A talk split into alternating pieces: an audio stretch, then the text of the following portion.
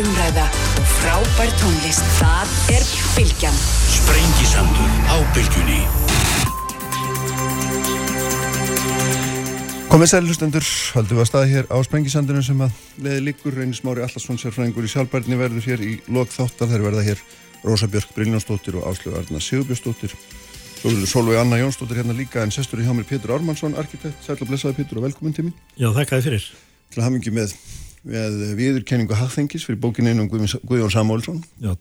Sem er mikið ritt, hérna einhverja 400 síður um, um þennan, já við vorum að tala um það, langstæsta afkastamesta og svona sínilegasta arkitekt okkar samtíma, okkar sögu, er það ekki? Jú, hann er sá sem, hann er örgla sá sem að flestir Íslendingar þekkja með nafni og mm. þekkja byggingarnar hans, þannig að það, hann er að þannig lagað alveg óumdeldur í því, hann líka á sér alveg einstaka uh, stað í okkar sögu, hann mm. er eiginlega maður sem tengir leggur grunna nútímanum í okkar húsagerðarlist, uh, teiknar starri og floknari byggingar en hafði nokkur tíma verið gert áður og hefur líka, hafði líka gríðarlega áhrif á skipulasmál mm. á, á, sagt, á, hann er eitthvað með rétt kom inn á réttum tíma þegar það var í rauninni svona ákveði tómarum Já. vandaði sálega mann með hans fagþekkingu og hann kemur inn þar og fær frábær tækifæri en það var náttúrulega að segja að þó hann hafi fengið stærri tækifæri en okkur annar arkitekt fyrir eða síðar mm. þá var náttúrulega ekki nema hluti af öllum hans hugmyndum framkvæmdur Nei, nei, nei, nei það er náttúrulega hann er réttum maður og réttum stað og réttum tíma og sagt það er hérna, alveg augljóst mál og, já, já. Og hérna og, og svo náttúrulega er hann fyrir utan að við teikna sjálfur og vera þessi skapandi maður þá er hann náttúrulega líka er það ekki yfirmaður alls skipulags í, í landinu og hann er með einstakar stöðu líka til þess að ég man að þú lapaði með mér einhvern tímunum viðbæðin og fleira fólki og varst að sína hvernig hann hefði staðsett byggingarna sínur hann tók allt, tók landið vel Já, já, hann, hann hafði mikil völd og hann, hann beitti þeim en hann beitti þeim í þáu listarinnar mm. og það er aldrei merkilegt að hugsa til þess. Hann já. hafði mjög ákveðna sín en ég held að styrkur hans og ástæðan fyrir því hvað hann náði að framkvæma mikið var það að hann var með báða fætur niður á jörðinni. Hann var mjög hagsýnt þegar koma því að útfæra byggingar og hann var alltaf að hugsa um hag ríkisinn sem að var að vinna fyrir að, að bröðurleikki með byggingar og gera hannaðar á, á, á hag, ein, einfaldar hagkvæmar en samt fallegar og hann var alltaf að leytast við að, að ná þessu jafnvægi en, en jafnframt hafðan þessa hugmyndafræðilegu sín, hann er náttúrulega kannski fyrst og fremst maður sem kemur með nýjar erlendar hugmyndi til landsins, hann er mm. reyninni hans hugssjón var að innleiða evróska skipulags og húsagerða menningu á, í landi þar sem að var í rauninni var þurft í rauninni að byggja allt frá grunni Já. og þetta, þetta var náttúrulega einstak staða, ég held að það séu fá dæmi erlendis um ungan arkitekt sem, mm. sem að sko bara á fyrstu starfsárun sínum leggur grunninn að byggingar menningu heila þjóðar Já, já, já. það er náttúrulega mikil hefni getur maður sagt að hann var svona snjall Já, hann var mjög hæfileikaríkur maður, það er já, ekki spurning og, og vel menta, hámentaður og, og, og mjög hæfileikaríkur. En hvernig er svona því að sko, oft hefur hann um hann er rætt á ræða menn líka mikið um svona þjóðlega gildi, hann hafi verið mjög fastur í þjóðlegum gildum, hann byggingarnar hann setna, takast mikið á íslenska náttúr og hann notar berg og hann notar steina og hérna og notar þetta form úr stuðlaberginu sem fræktir í þjóðleikusinu og svo framvegis. Hvernig, hvernig blandast þetta svona þetta alþjóðlega og sérstæða saman getur við sagt? Já, já, sko, mér að segja hugmyndin um, um þjóðlega enginni í byggingalist hvers lands, hún er, hún er náttúrulega erlend, hún, mm. hann kynist henni í, í námi sínu því að af, af, af til dæmis professor Nýróp sem var fulltrúið þjóðarnisromantiska skólans í Danmörku og teiknaði ráðhús í Kaupmannöf sem allir þekkja, svipar hugmyndi voru, voru á Sveimi í Finnlandi og Svíþjóð og Noregi að, að það væri í rauninni að það væri verð að, að byggingar hvers lands ætti að bera svipmót af, af, af þeim byggingarefnum og þeirri menningu sem að enkendi það land mm. og, og þetta fléttaði saman og það var í rauninni það sem hann var að reyna að gera hérna á Íslandi, hann náttúrulega er aðstæður hér á landi voru einu leiti ólíkar og það, það hefur með byggingarefn að gera að, að hér á landi var byggt úr steinsteipu sem að þekktist uh, sára lítið í byggingalist á Norðurlöndunum allavega á þeim tíma þegar hann var þar við nám. Og glíman við steinsteipuna mm. uh, þetta frekar ljóta efni og svo má segja, það er ekki fallegasta byggingarefni í heiminum svona í sinni, sinni ráustu mynd uh, þessi spurningum hvernig er þetta búa til fallega byggingalist úr steinsteipu, hann að það voru ekki neinn bein fordæmi sem hann gæti stuðst við þeim efnum. Og hann er svona smá þróa þetta í gegnum sinn feril, hann byrjar á því að gera tilraunir með stuðlaberskreiti utan á Kriskirkju og Landakoti og síðan í þjóleikúsinu kvelvingin sem hefur með hljóðvist að gera öðrum þræði, brjóta upp, upp formið á salnum til að dreifa hljóðinu og svo svona stigast í svo kemur hugmyndinum að nota, sko, nota frekar jarðefni e, eins og Raptinu Silvuberg til að húða hús og það er sannlegin er einhver merkilegasta uppgötun í byggingatækni sem var gerð á hér á landi á 20. öld mm. að, að verja steinsteipuna með þessari húð og þetta er tækni sem er ennþá, ennþá lifir og er notuð, notuð mikið í dag og svo kannski í lokin þessi stórbrotna hugmynd í Hallgrínskirkju að búa til svona stöðlabersk kórónu upp á, á törninum sem að sem er líst upp og sem að ljóskeislatnir byrtast inn á milli stöðlana Já. Já, já, þetta er alltaf alveg magnáð, það er alltaf svona, þú nefndir á þann að hann hefði haft fjöldan allra hugmyndi sem ekki eru að veruleika þrátt fyrir að allt þetta hafi verið byggt sem hann deiknaði, Jú. að það var alltaf mjög merkilegt, hérna, einmitt að þú nefnir á Hallgrímskirkju hugmyndunar um þessa háborg sem hann hafði og verið kringum kirkjuna, einhvers konar svona uh, miðpunkt menningar og og menta er það ekki, getur maður ekki sagt það hérna upp á skólaveruhaldinu? Jú, jú, Háborgin náttúrulega sem var sett, hún var sett fram sem hluti af, af hugmyndum heldaskipla Reykjavíkur sem í rauninni það sem var verið að móta Reykjavík sem höfust að landsin sem hafði kannski aldrei verið gert áður, það hafði aldrei verið gert heldaskipla bænum. Og það þurfti að reysa ákveðnar ofinbæra byggingar, það var ekki pláss fyrir þar í gamla miðbænum Hann hafði þessa hugmyndað á hestastað bæjarins, þar ætti, þar, þar ætti þessa byggingar vel heima.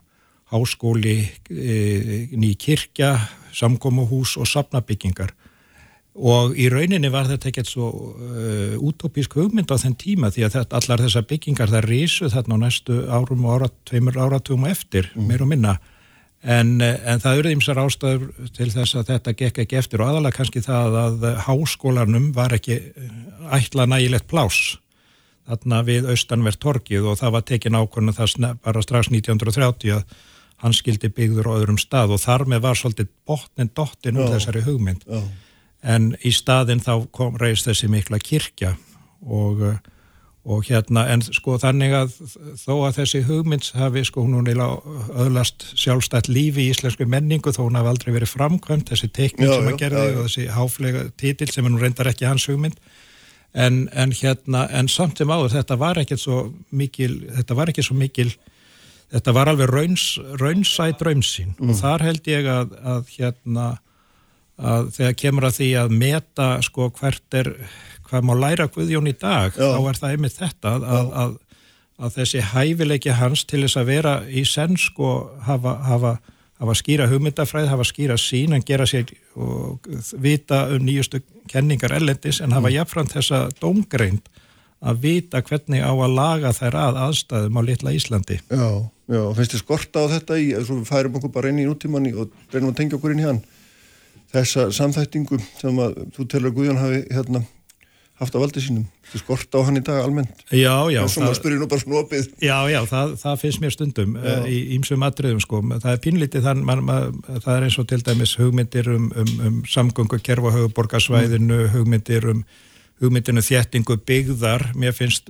sko margt í framkvæm þegar hugmynda sko e, þurfa aðeins mér í hjartengingu ef, ef svo má að segja. Mm. Við erum stundum að bera okkur saman við miljóna borgir þegar við ættum kannski vera að bera okkur saman við Óðinsvið í Danmörku eða, eða Þrámteim, einhverja slíka borgir og, og hérna og e, já, mér finnst, finnst að, að hérna Við tökum til dæmis borgarlínuna sem dæmi, þá var það í rauninni í grunninn mjög góð hugmynd að, að, að finna eitthvað svona prinsip í Reykjavík. Reykjavík, sem sagt í skipla Reykjavíkur hefur lengi skort eitthvað svona prinsip sem fólk getur skilið. Mm -hmm. E, Strætisagnakerfið hérna, það er ekkert, sko það er aldrei flókið en það er ekkert, það er ekkert, ekkert afleitt en Ég finnst kannski að þessi hugmynd sem er, sem er allra góður að gelda verð og það eru tveir mikilvægar punktar í því sem að mér finnst skipta miklu máli. Það er annars vegar tengingin frá Suðurlandsbraut og yfir í Ártunnsöfða sem að á að framkvæma með eitthvað svona brú yfir, yfir það svæði, yfir Elluðátnar og, og Breiðhósbraut og eins og að tengingin yfir í Kópavók. Þetta eru mjög mikilvægar tengingar fyrir, fyrir þessa hugmynd og eins að, að mynda svona ás. En svona það sem að ég hef séð af þessum hugmyndum þá byggir þetta á einhverjum uh, gríðarlegum breytingum á, á götum eins og hérna fyrir neðan. Þá að bara umbylta götukassanum og, og hérna og fari einhverja rosalega dýra og mikla mannvirkja gerð þegar að kannski, þá veldur maður fyrir sér kannski þetta byrja á hinumendanum kannski þetta gera eins og er á Akureyri að bjóða það, það, það er eiginlega vandamál almennissamgangna á Reykjavíkusvæðinu er svolítið mikið sko félagsleisæðlis, fólki Aha. finnst ekki fínt að láta sjá sig í stræt og það er ekki vant því, það er búið að venja fólk af því að nota strætisvagna. Og, og ég hérna, ég er nú einn af þeim Ég nú einnig að, já, tók það ákvörðum fyrir tveimur ára síðan að nota strætisvagnar mjög mikið. Þannig að ég, ég fekk mér árskort og, og, kerfið komir í, kemur í ljósa það er alls ekki slæmt og ég hefði ímyndað mér. en það er einhver þröskuldur, einhver félagslegu þröskuldur og þannig af hverju er ekki eitthvað brota af allir, af hverju er ekki aðeins dreyið úr þessari rosalegu mannverkja gerð í kringum mm. þetta, þessa mm. hugmynd og eh, fólki bara bóðið okkepis í stræt, öllum háskólanemum, eldri borgurum uh -huh. og öllum skólanemum bara fritt í stræt og eða, eða frýr mánuður, september mánuður fritt í stræt og fyrir alla mm. bara til að venja í ungukynsluðuna við það að nota alminninsangökur uh -huh. þetta finnst mér þurfa að gera og mér finnst þetta, mér finnst þetta ómikið talum einhverja rosalega flottast nýja vagna og einhverja nýja línur og, og einhverjar hugmyndi frá útlandu þetta, ég nefni þetta sem dæmi Já, já Þannig finnst ég skorta þessu hjartengingu sem að þú telur að Guðjón hafi, hafi haft í já, ríkum mæli. Já, já, ég, það má segja það líka, sko. Það er eins með hugmyndunum þéttingu byggðar, af því að þú nefndir hana nú, að, að sko hún er, hún er líka, hún er náttúrulega, sko Guðjón á sínu tíma kom með e, áttið þáttið því að innleiða hérna í fyrstu skipulögun sem gerð voru hér á landi ákveðna hugmyndafræði sem að kendi verið við Garborgir, sem var svona finna svona rétta jafnvægið á milli e, borgarbyggðar og, og, og þess að, að gæða byggðina e, tengingu við náttúruna og gardin og jörðina sem að byggðist meðalans á því að reysa ekki of háar byggingar og, og helst ekki íbúða hverjum herren þrjár hæðir, 34 hæðir. Og síðan á þetta, var, þetta voru hugmyndi sem voru svona ráðand á fyrir, fyrir fyrsta áratugum 2000 aldarinnar og það er mjög merkilegt að þessi hugmyndafræði kom, kom, kom snemma og hafði mikil áhrif hér á landi. En svo eftir stríð þá, þá er, er breytt staða. Þá er, þá er kom, komnar hugmyndi móternismas um að greina borgina sundur í svona sérhæðar einingar og tengja þær saman með bílabrautum, enga bílin orðin almenningsegn og í bandaríkinu þá þróast þessi miklu bílaútkverfi og þetta er það sem er að þess, þessi, þessi hugmyndafræði, hún hefur mikil áhrif á Reykjavík hérna á setni hluta 20. aldar en svo kannski undir aldamótin þá er kynnti sögunar hérna ennin ný hugmyndafræni sem á segja sem að, sem að tengist hugmyndum í Breitlandi og er íla ansvar við þessari móternísku borg þar sem menn er að fara aftur að horfa á hefðbunna borgarform fyrir tíða móterismans mynda samfelda heilstæða borgarmynd með ákveðnum félagslegum gæðum, eh, nýta land betur, nýta, taka ónýtt landsvæði, yðnaðalóðir og annað og, og byggja þær upp byggja, fallega íbúðabyggð og eh, áhrifavaldur í þessu var bók sem kom út árið 1999 hjá vegum Bresku ríkistjórnarinnar, gul bók sem að, sem var svona eins konar biblía þessara mm -hmm. fræða. En þar kemur til dæmi skýrt fram ef maður skoðar það bók að, að hérna að eh, það skilt ekki fram að þá ekki þetta, þessi, þessi nýja þétting á, eða endurnýting á landi og það kallaða, hún á ekki að vera á kostnað e, gæ, almanna gæða, þá ekki að ganga á útivistasvæði eins og laugadalinn eða miklatún til þess að koma fyrir aukinni þéttingu. Og þá heldur ekki að set, ráðast inn í gróin íbúðakverfu að fara að tæta þau, tætast í þeim til þess eins að ná fram, fram þéttingu.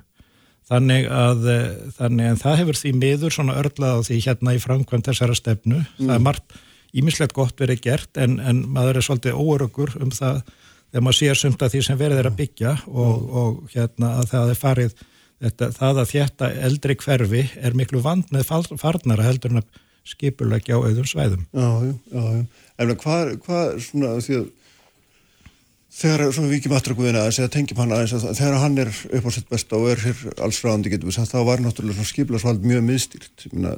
Já, það var það. Það bæði hérna í borginni reynda líka bara um all land, en núna alltaf bara hefur þetta breyst og nú er, ég veit ekki, nánast hann að valdi sér hvergi einhvern veginn, eða hvað? Já, það má segja það. Það er stundur sagt að til að búa til fallega, fallega virkilega fallega borg þá þurfum við innvaldstjórn.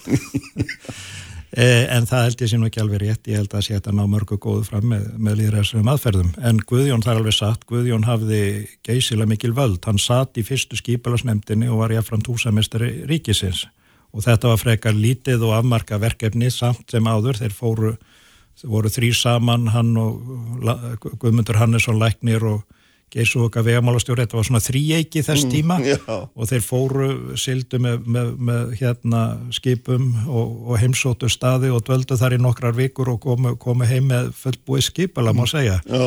og svo var það, fór það í gegnum lögformlega farveg og, og menn urðu bara, menn svona í mörgu tilvíku, til dæmis eins og á Akureyri, þá bara var farið eftir skipula í þeirra í mjög veiga miklu matriðum og og þar blandaðist inn í, þar kom Guðjón með sína fagufræðilegu hugsun og rétt til dæmis laði mikla áherslu á það hvar, hvar kirkjur væri staðsettar, hann átti algjörlega hann átti stærsta þátt í því að Akureyrar kirkja reys á þeim stað sem, hann, sem hún reys Já. hann átti stóra þátt í því að byggðin og Akureyri þróaðist upp á brekkunni en ekki út með glera og, og játta glera, yfir í glerarkverfi uh -huh. sem að kannski þróun hefði orðið ella og, og, og svo, fann, svo þurfti einhver, það þurfti einhver, einhver, einhver, einhverja tákgræna einhverja tákgræna lausna því að tengja sama byggðina fyrir ofan og neðan brekku og þá mm. hugkvæmist honum að staðsitja kirkjuna þarna og gera kirkjutröppurnar sem svona einhverja tákgrænt lið milli, milli þessara bæjarhluta sem voru í bæ sem var aldrei sundraður mm. og þetta er einhver eh, sko snildarlegasta aðgerð í það sem að, ég veit í okkar sögu, það sem að skipulagsugsun og byggingalist vinna saman Já. og hann hafði, þessa, hann hafði alltaf þessa fagufræðilegu sín og hann gatt eh, eins og, eins og að staðsetja ofinbæra byggingar við, við torg og enda á gödum og, og hann var alltaf að leggja í öllum sínu verkum þá var hann að leggja grunninn að einhverju sem myndi verða í framtíðin. Hann var að stíga fyrsta skrefið og svo var það undir þeim sem kemur eftir að, að klára heldar myndina.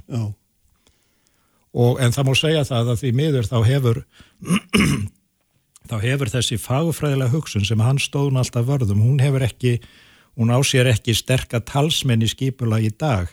E, það er náttúrulega sko í stóru, miklu leiti í dag er að þannig að það er í fjármagnin sem ræður. Það, það er það sem að, og þó menn hafi verið í góðri trú að innleiða aftur svona samfélta borgabygð með, með sem samkvæmt fræðibókunum á að vera bara fjórar hæðir Já. til að sólar njóti. Já þá kemur fjármagnið og bætir við tveimur hæðum ofan á mm. og þá er, þá er til að bæta arsemin en þá er líka sólinn farin. Og, og það er svona og, og þessi mannlegi mælikverði þannig að það er daldið ég held nú kannski, það er kannski ekki þannig að skipulags löggefin hérna sé megin gölluð en það er daldið en menn eru hins vegar rægir við að beita skipulagi sem stjórntæki og fara eftir því. Já það er auðvilt fyrir fjármagnið að auðvitað hafa áhrif á stjórnvöldrinlega Já, það hefur meiri áhrif á mótun umhverfis heldur en menn, menn, menn kannski kynna ætla.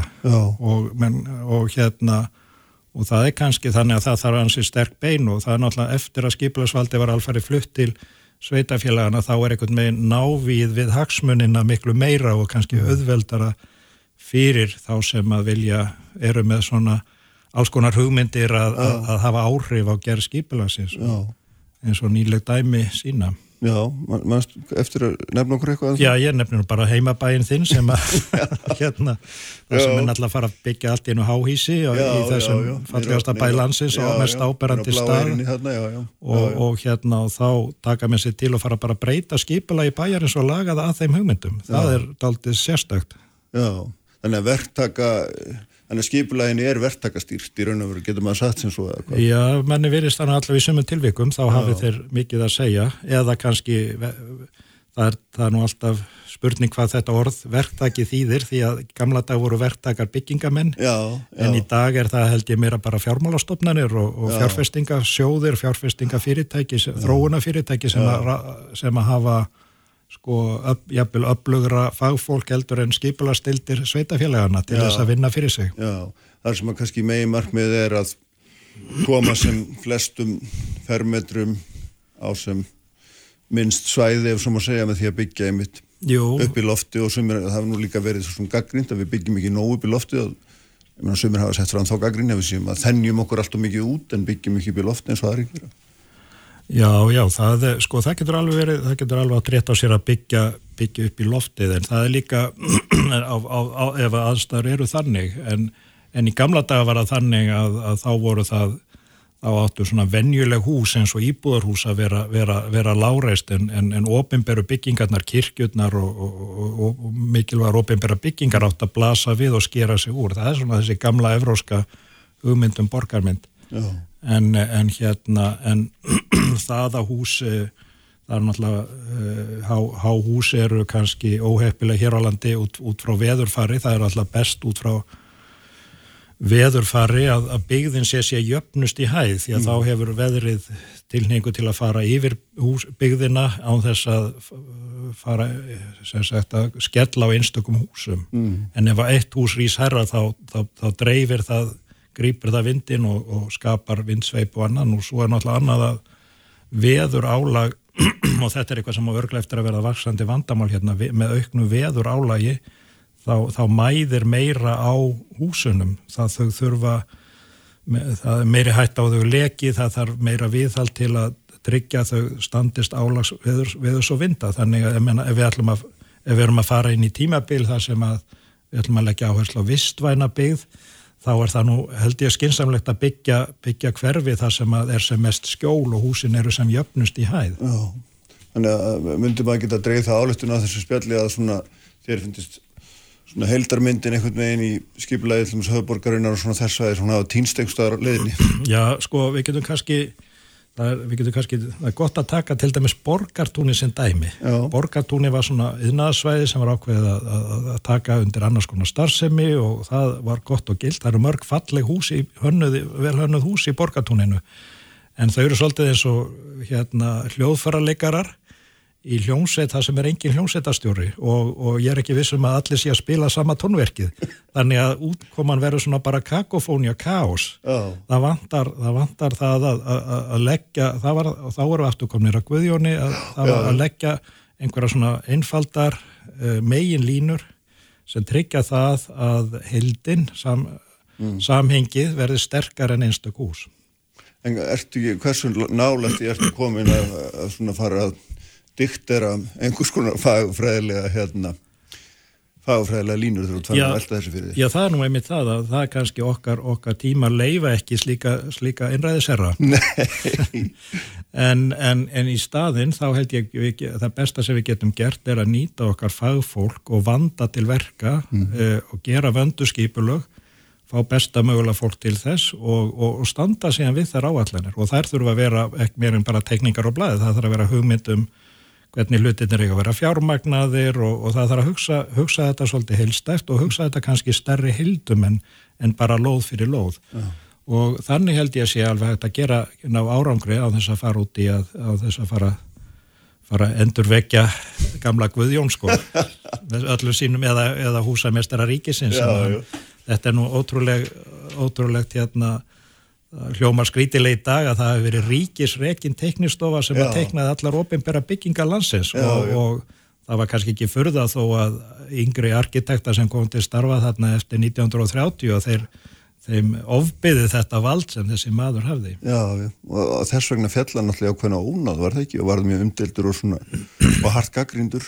Hann, hann einágraðist, jú, það má segja það og svo blandast inn í þetta landsmála pólitík, það voru heiftarlegar deilur og, og hann var hérna hann átti, Jónas Rár Hriblu var mikill aðdáandi verka hans og, og, og þegar hann komst til valda þarna þessi fjögur ár sem hann var ráð þeirra þá, þá, þá leitaði hann mjög mikið til Guðjóns, ekki bara uh, fólunum verkefni eins og héraskólana heldur líka, sem hann kannski barnu, sko, það var kannski miskilingur að að Guðjón hafi, eh, Jónas á Hrifla hafi beinleins verið að beina verkefni til Guðjóns. Guðjón átti náttúrulega, það var eðlilegt að fjalla þessi verkefni og, og það var ekki Jónas sem var skipaðin í embætti, það var þannig að, en þannig að, þannig að þeir voru svona, þetta var ákveðið tímabil en það, þessi nánu tengslu Jónas, Jónas var svo umdeldur Já, já. að það litaði bara það að Guðjón var að vinna í hans þáu og þekkt hann vel litaði mjög afstöðumanna til, til, til Guðjóns og, og í rauninni sko hann var svolítið sem listamaður og fagmaður var hann svolítið fórnar lamp þess að vera svona innblandaður í pólitíska pólitíska deilur þess tíma. Til dæmis anstæðingar Jónas að mátt ekki, mátt ekki heyra á Guðjón Samúlsson minnst Nei, nei, nei, nei. Hva, hva, hvernig, svona, hvernig heldur þú að honum að verði við þegar að, þegar að landsbankin ákveður að byggja við hans byggingu, þessa mótinísku byggingu sem er ótrúlega, ég heldur ekki, sko, Guðjón tegnar, er, hún er reist 1923 í mandarétt og síðan kemur nýja byggingin bara 39, þetta er nú eins og sko séu 100 ára á milli en ekki þessu örfáu. Já, En þetta er svo gjör ólíkt og hérna, þarna lístur eitthvað meginn saman tvennum tímum og stílbröðum sem eru Að mínu viti þá, þá lýsir landsbankabyggingin eh, sko tvennskona viðhorum arkitekts til eldri bygginga. Eh, ástæðan fyrir því að Guðjón teiknar, er sko landsbanki Guðjóns er í rauninni endur bygging á eldri Já, húsi. já, já. Hann ákveður það að, að halda sig við stíl gamla steinhúsin sem hafði brunnið 1915, steif hlöðnuvekirni stóð uppi. Hann ákveður að lengja það og bæta einni hæð ofan á og halda sig við þennan 19. aldar nýrennisanstíl Mm. og gerir útfærið það listilega vel utan á húsinu, svo er hann með annars konar stíl inn í húsinu, það er hann með nýbarokk, hann er ekki, gengur ekki eins langt þar í, í þessum nýrennisans. E, það fyrðulega er að það er haldin, já, það er haldin samkeppni 1934, þá var þetta hús strax orðið allt og lítið og, eh, og hérna Guðjón er í dómnefndinni. Já, já. en það var engin tillaga valin á, í fyrsta sæti. Síðan gerist það að bank, bank, stjórnbankans tveimur árum síðar ákveður að taka eina tillöguna sem var tillaga Gunnlaugs Halldórssonar. Gunnlaugur Halldórsson hann hafði ekki sömu afstöðu til, til, til byggingalistar og Guðjón. Hann var, hann, var, hann var ungur og róttækur og vildi trúði ekki á söguna og, og vildi láta hinn nýja stíl koma fram stílnotagildi sem að var hans hugssjón og eh, hann eh, átti sér ákveðna fyrirmyndir í verkum í Dómhúsin í Gautaborg eftir Gunnar Asplund sem var þekkt bygging á norður og en líka umdeild á þeim tíma. Um, og hérna hann eiginlega um, hann opnar, hann gjör bildir bankar salnum fyrst og fremst og það er mörguleiti tókst honum það ágætlega en, en, en honum tókst nú ekki eins vel með ytra útlitið, það hefur alltaf þessi stækkun og húsin hefur alltaf verið umdeild og hvernig hún mætir. Og meira segja Gunnlaugur Halldórsson sjálfur þegar að kom til að bankin stækkaði við sig á sjönda áratögnum þá, þá gerði Guðjón, þá var eina tillögum Gunn, Gunnlaugs að byggja sexhæða byggingu við Hafnastræti og rýfa við bygginguna frá 1930, 1940 Já, sína eigin. sína eigin byggingu, já, þann, þannig að hérna, hann leit nú ekki á hana sem heilegan hlut en það verður forvitnilegt að vita hvað landsbankin gerir núna þegar að flytur í nýjar höfustöðar Já, já. gamla húsið er náttúrulega er þjóðar gersemi Já, já, aldeilis. Ekki spurning. og, og mikið skiptir miklu máli hvernig verður unnið úr því máli allu saman. Já. Er þetta búið að vera feikilega fróðleitt, Pétur? Hérna, takk fyrir að koma. Takk fyrir mig. Og við verðum hér áfram eftir ögnum bleik Solveig Anna Jónsdóttir kemur. Fréttir þjóðmál og pólitík. Sprengisandur á bylgjunni. Kraftmikil umræða, alla sunnudasmórna, sprengisandur á bylgjunni. Sælir aftur hlustendur, þá var hann fannin frá mér hann Pétur Ormansson arkitekt eftir afar fróðleitt yfir lit yfir Guðjón Samuelsson, auðvitað á hans verk og, og svona tengdum hann inn í nútíman og nútíma skipula og, og hugmyndir fram og tilbaka. En ég ætla að fara í allt annan hlut núna því sestir hjá mig Solveig Anna Jónsdóttir sem er formaður eflingar auðvitað, velkomin, blessu og sæl. Hæ, takk fyrir. Uh, þið voru að senda frá okkur yfirlýsingu, all harð orða núna bara fyrir helgina, þar sem að þið eru að andæfa svo kallari grænbókarvinnu ríkistjórnarinnar, þetta er grænbókin er einhvers konar tilhörn til þess að ramma inn svona skipula á vinnumarkaði, hvernig samningar fara fram og við hvað er að miða og hver á að hafa hvað að segja og svo framvegis. Og þetta telli því einhvern meginn vera að koma út í algjört rugl og endurvakning á saleg sem ég mann nú eftir að það var algjört eitur í þínum beinum þegar þú varst að byrja hérna, ef maður myndist á saleg það fannst þér ekki góð hugmynd.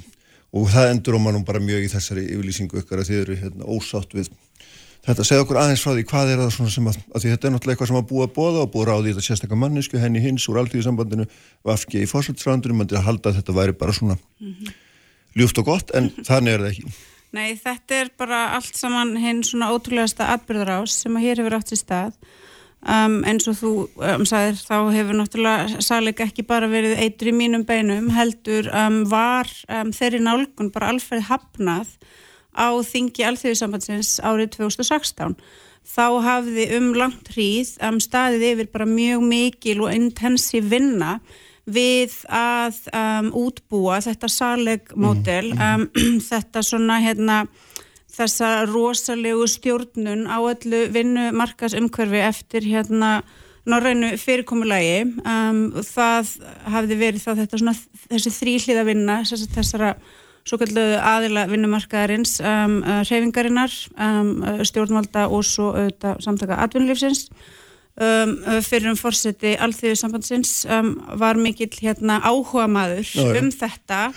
Um, en svo gerist það eins og ég segi árið 2016 að þessari stefnu er bara alferð hafnað á þingi alþjóðsambandsins um, og það kemur náttúrulega margt til. Um, þá auðvitað höfðu hérna svona hinnar ofinböru yfirstjættir sem að lifa undir vendarvæng um, aðesta valds á mm. Íslandi skamta sjálf um sér um, gríðlega háar hækkanir þarna var náttúrulega bara stór hópur vinnandi fólks en þá um, að glíma við afskaplega erfiðar um, afleggingar hrunsins húsnæðismarkaður var þá komin á um, slæmam stað og svo framvegs og svo framvegs. Mm. Þannig að öllu leiti um, má segja að um, það hafi verið eins bara skiljanlegt og hægt að hugsa sér að vinnandi fólk innan alþjóðsamhansins hafi sagt nei, við ætlum ekki að fara þessa leið. Já, og bara svo þessi skýrt aðeins að það, hérna, og hefði átt að gera upp af henni, þetta gengur auðvitað út af það að hækkanir allra tæki mið af Uh, hérna, útlutnings, hvað útlutningsatvinnuveginni þorla á hverjum tíma. Þetta, ef þeir geta hækkað um 3% þá verður það hinnir bara þetta, þetta sé við, það er ekki svona nokkur veginn? Þetta snýst um það að einmitt binda um, alla, alla möguleika á um, hækkunum og svo framvegis uh, inn í hérna um, niðurstöður sérfræðinga nefndar sem að reiknar það þá út um, og með þessu er auðvitað verið að koma í veg fyrir að um, láluna fólk geti þá um, sótt sér sérstakar hækkanir þegar að það telur að mikil þörf sé á slíku og ég bendi til dæmis á um, hinnar um, miklu erfiðu en að loku mjög árangusríku aðgerðir sem að ebling fór í um, Gagvart Reykjavíkuborg mm -hmm. og mhm. svo um, sambandi Íslenska Sveitafélaga þar sem að við gátum með því bara rauksti að mála okkar með mjög ídalegum og góðum hætti knúi fram sérstakar leiðrættingu handa fólki sem að hafði þarna verið dæmtilis að hýrast bara einhvern veginn á botninum um, á íslenska vinnumarkanum. Um, þannig að já, þetta mótel um, það auðvitað útilokkar alla svona markvisa baráttu um, uh, vinnandi fólks og að mínu viti mm. er nálgun eins og þessi náttúrulega bara einstaklega ólýðræðisleg og raunverulega á þeim svona Um, tímum sem við búum á þegar einmitt verka á láluna fólk er á þeim stað að pólitíkin hefur alfarið um, snúið sér burt frá þeim sínir þeim engan áhuga. Þá náttúrulega þeimun mikilvægur að við höfum þá þessa möguleika í gegnum verkefliðsfélagin okkar að knýja á um þá um, þá sangirtni mm. sem við teljum að við eigum inni. Þannig að en, þér finnst þess að fórustaríkstjónur eða vinstu græn þarna og svo þessi fulltrúi allþjóðsambandsins eða ekki fulltrúið en það var þetta ráðum bara þarna henni hins hangfræðingur að þau sé bara að, að raun og vera eitthvað meina að, að ganga á ykkar frelsi til þess að Sannlega. gera Og, er, er það þín skoðun? Sannlega og bara aftur segið það þetta er ekki eins og þetta sé mín um, hérna einhvern veginn prívat skoðun heldur um, um, er það svo að Ragnar Þór sem hefur nú aftur verið kjörinn um, uh, formaðið vaffer, hann hefur afdráttalust hafnað þessari nálgun aftur og aftur Um, en svo gerist það um, og það er ástæðan fyrir því að við erum komin á þennan stað við í eflingu að segja bara, hérna, við viljum bara benda okkur félagsmönnum og auðvitað öðru vinnandi fólki í Íslandi á þessa, þessa fyrðu sem að, um, hefur verið í gangi. Að uh, nokkrum dögum fyrir undirritun um, lífskjærasamningarna þá fæ ég og aðrir um, í, í hérna um, svona þeim hópi sem að leitt hafa samningavirðar eflingar fáum kynningu frá um, fulltrúum stjórnvalda um það hvað um, svona pakki stjórnvalda innihaldi og þetta er að okkar viti um, ídarli kynning og þessi kynning er á endanum það ásamt auðvitað bara því sem að náðust hefur í samningavirða með samtöku aðunlýsins um, það sem að gera það verkum að við teljum á endanum við getum skrifað undir samninga. Um, ég var í mjög miklu og, og nánu samstarfi við samningarnamt eblingar. Við höfðum allan þennan vetur hist með reglulegu millibili og þarna undir það síðast að þá hittumstu mjög mikið um, samningarnamt stórparturnar var uh, undir það síðasta með okkur í um, húsakinnum uh, ríkisáttisamira. Á engum einasta tímapunkti er okkur sagt frá því að græmbókar vinna um, að, að stjórnvöld eigi á að fara eigi að fá að fara þessa leið að fara að hérna, útbúa einhverja sérstakka vinnu sem að eigi að leiða þá til þess að fara að knýja á um að við drögumst inn í þessa vinnu og þennan rama á engum tímapunkti er okkur sagt þetta. Og ég fullir því það að ef að okkur hefur verið sagt þetta, ef ég hef fengið þessi skilabó ég hef svo farið með hana til minna samlingarnefndar þá hefur náttúrulega fólk bara hleyið þetta út af borðinu. Mm -hmm. um, en svo gerist það að þetta er þarna engu að síður. Um, og, og það er náttúrulega mínu viti stórkoslega undarlegt. Svo líður um, tíminn og svo gerist það uh, núna síðasta uh, haust að þessi nefnd um, stjórnvalda, nefnd fórsetis ráðanætisins er sett af stað um, í ha hana leiðir henni hins sem að þá var hægt sem aðal hagfræðingur alþjóðsamansins er þá ráðinn um, af um, stjórnaráðinu til þess að leiða þessa nefnd á samt öðrum hérna fulltrúum atvinnureikanda mm -hmm. og enginn þarna inni frá hreyfingu vinnandi fólks og henni myndur hún kannski tólka sem slíkar ekki? Nei, alls ekki, hún Nei. er þarna, þarna hægt ja, okay. þetta virkar náttúrulega ekki svolítið um, og bara algjörlega fráleitt alltaf í fram Um, ef, ef ég hætti núna sem formaður öflingar og ræð mig hérna yfir til borgarina þú skiptir ekki um skoðun í grundvallar atriðum en, en áður, þá er, er náttúrulega hægt að einmitt, benda á það á þess að ég ætla að fara persónu að gera þetta að neinu leiti nei, nei.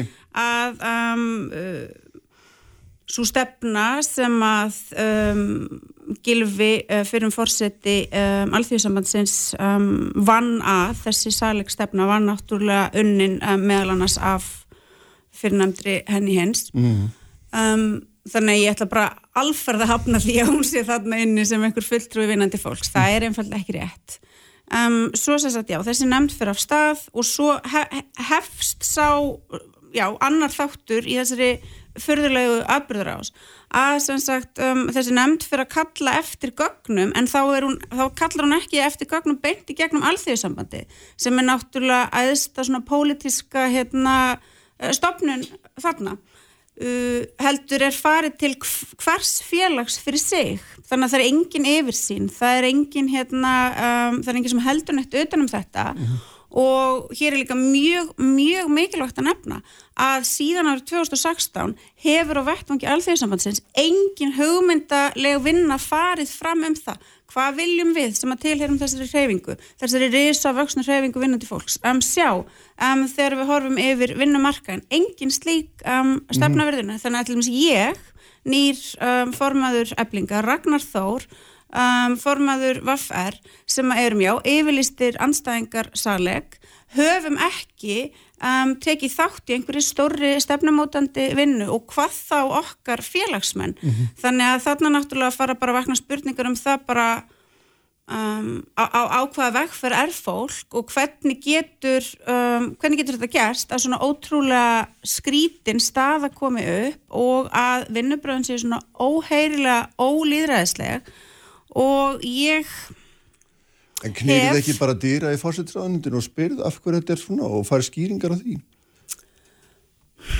Uh, jú, það má vel vera en það sem ég vil náttúrulega að gerist er að um, öll sem að hafa komið að þessari vinnu mm. viður kenni um, hversu um, brjálæðislegt það er að vera í henni á þessum tíma af þeim ástæðum sem ég hef hér talið upp auðvitað fyrst og síðast um, þeirri stóru ástæðu að þetta var ekki rætt við okkur sem að leitum þessar kjærasamningsviðræður Mhm. þannig að það er fráleitt að það sé hægt að setja þetta þarna inn og láta eins og við, við sem skuldbundin í þessa vinnu en svo líka vegna þess að þegar við horfum á það sem að um, átt hefur sér stað núna á síðustu missurum á íslensku vinnumarkaði þá getur engin manneskja með fullu viti, engin manneskja sem að hefur svona heiðarleikan hérna í, í, í, í fyrirrúmi sagt að um, hreyfing vinnandi fólks eigi að koma að einhverju svona um, samtali, einhverju svona vinnu.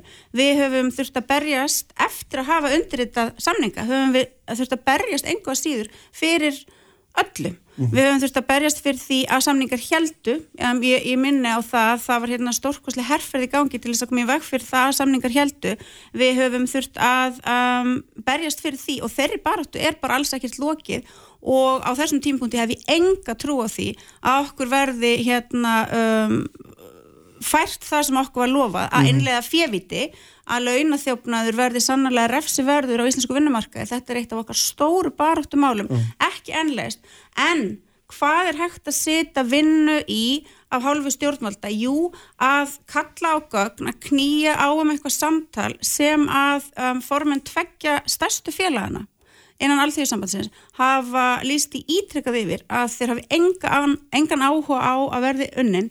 Um, ég bara aftur segi um, ef að fólk skoðar þetta af heðleika þá hlýtur fólk að sjá um, að það er eitthvað mjög furðulegt þarna í gangi og um, að það er algjörlega frálegt að við tökum þátt í þessari vinnu og um, eftir að hafa átt samtöl við mína félagsmenn, bæði um, stjórnæflingar, trúnaráð og um, félagsmenn, þá er það alveg ljóst að það er ekki nokkur einasti áhug á því hjá almennum félagsmönnum eflingar að um, vinna eins og þessi sé í gangi. En, en nú er þetta, þessi heimur sem að þú ert að lýsa henni á sér aðra hlið sem er, er sem er einfallega að sko á síðast ári þá hækkaði launavistala hagstofunar um 10% og hún hefur ekki hækkað svona mikið tvisar áður á þessari öld 2002 og 2007 mm. og hérna og, og, og, og svona veist, út frá þínum bæjardyrum séð og ykkar þá hlýtur það að vera megin markmiðið og, og augljóslega er þá hérna, erum við að gera eitthvað rétt ef að þetta er stannend máls ekki satt. Um, við auðvita fagnum því að um, markmið um, lífskjara samningsins hafi náðst. mm, þrátt fyrir sko þessa gríðalugu niðursveiflu sem við erum í En þá segi ég já, aftur, já, það sem ég sagði hérna rétt áðan, að það náttúrulega mátti afskaplega litlu muna um, í því að samningum yrði sagt upp, ekki af hálfu vinnandi fólks, heldur af hálfu atvinnureikanda. Um, við í eblingu stóðum alferði gegn því En var það ekki á grunn, grundvelli heimsfaraldurs? Hérna, Sólveigana er það ekki svolítið ósangjaldur, þetta er á grundvelli heimsfaraldurs. Ég segi bara við öll hljótum Já. að vera ótrúlega þakklátt fyrir þessa miklu og árangusríku baráttu okkar vegna þess að um, um, svo staðreind að samdrátturinn um, sem, að, um, sem að sannarlega hefur átt sér stað og svo kreppa sem að sannarlega hefur hérna, dunnið á þessu samfélagi hefur þó orðið miklu, miklu minni heldur en fólk var að sjá fyrir sér í upphafi. Og ég fullir þið að það sé ekki síst vegna þess að almenningur á Íslandi gat uh, haldið áfram að lifa lifa sínu lífi hér innanlands, inn í þessu já. og það vita það allir allir sem að hérna, eitthvað hafa fylgst með málum að um, lálunafólk, verkafólk, það notar allar sínar krónur beint í sínu nær umhverfi. Þannig að svo um, fráleita hugmynd samtaka atvinnulífsins að fara að hafa hækkanirnar af um, lálunafólki, takstafólkinu ef að, þeirri hugmyndafræði hefði verið fyllt, þá væri við hér á miklu verri stað en við erum núna. Þannig að það er nú bara algjör staðrind, en um, svo er það jafnframt svo og Mm. það veist þú og það veit allir sem að fylgjast með málum að stjættskipting og misskipting hún hefur aukist verulega í þessum faraldri Mhm. Já, já, og þetta er það eru náttúrulega Það eru. Mm. um, eru félagsmenn eblingar, það er verka á lálunafólk sem hefur þurft að axla þessa ótrúlega þungu Já, byrði. með- Fólk sem að gat um, ekkert axlan að þetta er fólki sem á enga varasjóði þetta er fólki sem yðurlega er á leigumarkaði. Það, það er líka þannig að meðaltalstölur sínur alltaf bæði gefa okkur til kynna meðaltal af því að það er bæði einhverjur yfir því en líka einhverjur undir ekki satt? Þannig að megin þorrin er nú varst einhver staðar þarna, þarna nærri ekki satt? Þetta hefur bara þessu mið ágætla bara forvitin, ég meina þú vilt ekki þetta salegsamkumla þar sem að við stillum af launahækkanir með við af, hérna, afkomi útlundiskreina og þú ert svona frekar herskáði talivarandi svona samstarfi stjórnmöndu þessu leiti, ég meina hvernig sérðu fyrir þér að, hérna, að þið tali saman til þess að svona leiðrétta annmarkar sem eru á samningaferli og hvernig minn komast að sameilir nýðustóð og svo framvegis. og ég segir, ég lít ekki svo á að ég eða ebling höfum verið einhvern veginn óbylgjörn eða ósangjörn, alls ekki við erum að takast á við þau vandamál sem að snúa af félagsmönnum eblingar það eru um, vandamál sem að snúa að brotum á vinnumarkaði, það er um, það risa vaksna og óumdeilanlega vandamál sem fylgir því að vera láluna manneskja á einu dýrasta landi í öllum heiminum. Um, það vandamál sem fylgir því að vera láluna manneskja á, á húsnæðismarkaði sem er algjörlega hérna, uh, og hefur verið árum saman í tómi ruggli um, En við sannarlega viljum setjast við samningaborðið, mm. við viljum að samningar haldi, við höfum enga möguleika á því að um, brjóta samninga, ef, ef að vinnandi fólk gerir það, þá, um, þú veist, þá er það bara dæmt, þá er bara málteki fyrir félagsdóm og svo framvegis. Við höfum ekki gert neitt annað um, uh, á, á síðustu missurum, heldur emmitt að reyna að knýja um það, númer eitt, að samningar haldi, að okkur sé afhengt það sem að okkur var lofað og að þeirri skinsamlegu mm. efnahagstefnu sé fyllt að hér sé ekki einmitt verið að um, búa til stórkostleg ójafnar vandamál sem að líka allar fullarnar manneski sem hafa fylst með bæði því sem að gerist hér og annars þar í heiminu vita að ef að ójafnur fær að aukast algjörlega hömlulegst þá býr það til stórkostleg félagsleg vandamál mm -hmm. sem að, um, sem að hérna, mun bara taka, já ég veit ekki hvernig er einn svona hægt að leysa Um, en þegar þú segir viljum fá það sem okkur var lofa þá, mm. þá er það náttúrulega okkur en óbylgirni miða við það ástand sem við hefum verið að gangi gegnum síðust tól mánu fyrst í það bara við hefum ekki taka nefnt til í þess að, hérna, þurkaðast út heil risastóra atvinnugrein og, hérna, og, og samdráttur. Ég já, já. segi það aftur. Ég, ef ég horfa á hóp um, félagsmann eflingar þá er ég með um, hátt í, í 6.000 félaga atvinnulösa mm. þetta er fólki sem að um, sem betur fer hefur aðganga atvinnulegsis bótum um, sem að þó eru allt og allt og lágar og um, sem að ha, sem sagt, hafa búið til stórkoslega vandamál í lífi þessa fólks. Þetta er fólki sem að, um, hefur í auknum mæli þurft að leita á náðir hjálparsamtaka. Svo erum við með stóran hópa fólki, helming félagsmanna eflingar sem að starfar eftir tökstum. Þetta er fólki sem að hefur ekki aðganga yfirvinnu eða yfirborgunum eða neinu slíku fólki sem að einfallega þarf mest af öllum á þessu landi á því að halda að kjærasamningsbundnar hækkanir skilir sér. Um, þegar við stóðum í þessari, þessari stóru og absúrt baráttu um, fyrir því að samningar myndi halda, þá bentum við aftur og aftur og aftur á og það er mjög áhugavert um, að veltaði fyrir sér að það var aldrei ávarpað að í þeim fyrirtækjum þar sem að yfirborganir eru stundar þá er það atvinnureikandanum í sjálfvald sett að mm. um, uh, laga, laga sinn launakostnað sé það gert á bara réttan og löglegan hátt en um, ef við ætlum að leifa það að hækkanirnar verði teknar á láluna fólkinu þá erum við að diffka krísuna um, þetta var okkar málflutningur og ég lít um, í kringum mig núna og mm. ég tel að hann hefði bara alfarið um, sínt sig að vera réttan mm -hmm. og ég ætla líka þá náttúrulega tækifærið að benda á það að hefði það náðst í gegn sem að um, samtök aðtunlýsis vildu og sem að þeir um, þeir meðlum í ríkistjórnarnir sem tjáðu sem málið vildu líka að um, hækkanirnar kemur ekki inn þá vorum við líka að horfa fólki í ofinbjörnstörfunum, líka að horfa lálunakonurnar sem að hafði barist vikum saman fyrir því að fá um, sínar hækkanir í gegn. Þannig að um, myndin sem að þá hefði dreist upp hefði bara verið til háboruna skammar fyrir Íslands samfélag. Mm -hmm. Þannig að ég er bara ótrúlega ánægð að meðemitt því að ekki sína óbylgirni, heldur bara sína skinnsemi, vera först fyrir og vinna afdráttarlaust og alfarða hagsmunum um, félagsmanna eblingar, þá náðum við mm. þessum bara markverðra árangri mm -hmm. um, og ef að ég já, hefði já, já.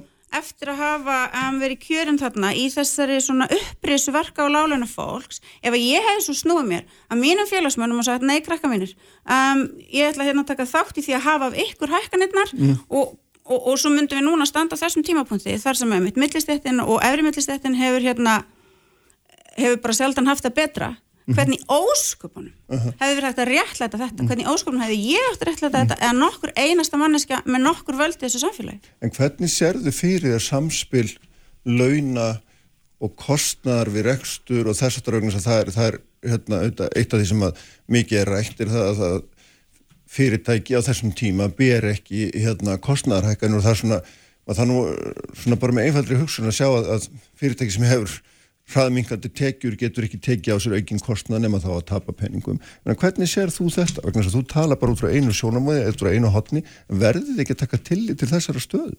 Við um, tölum einmitt ekki bara út frá einu sjónamöði og það er einfalda ekki rétt að við tölum bara fyrir því að, um, að launahækkanir séu eini líkillin að velsælt verka á lálunafólks.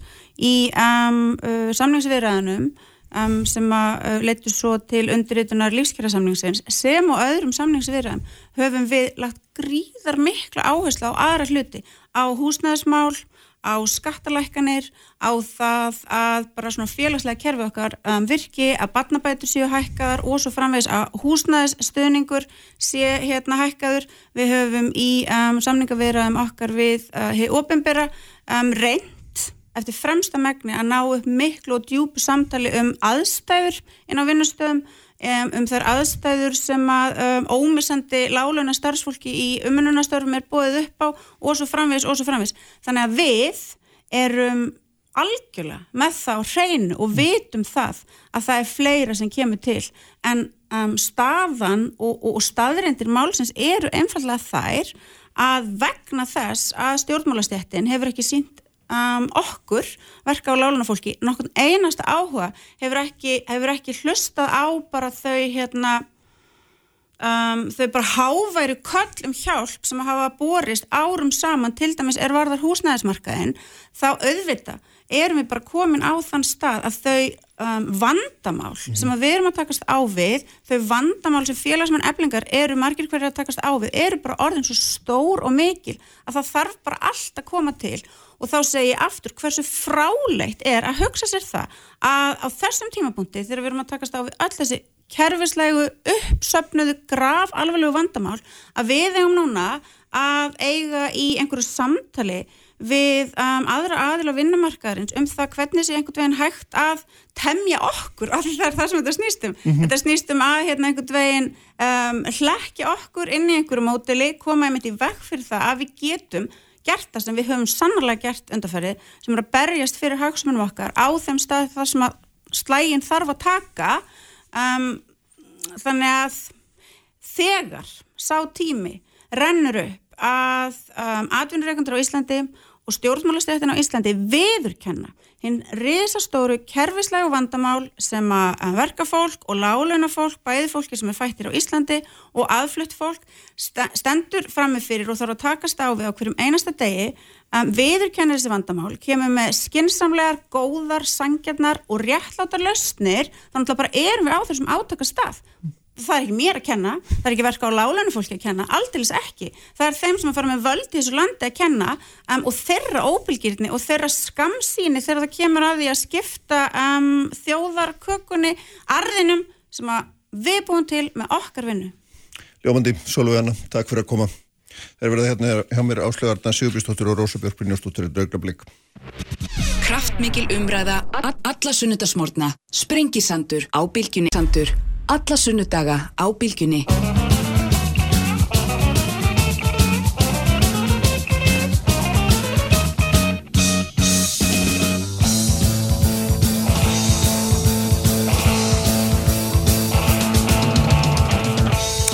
Sælir afturlustundur, Solveig Anna Jónsdóttir, formadur Eblingar, farin hér frá mér.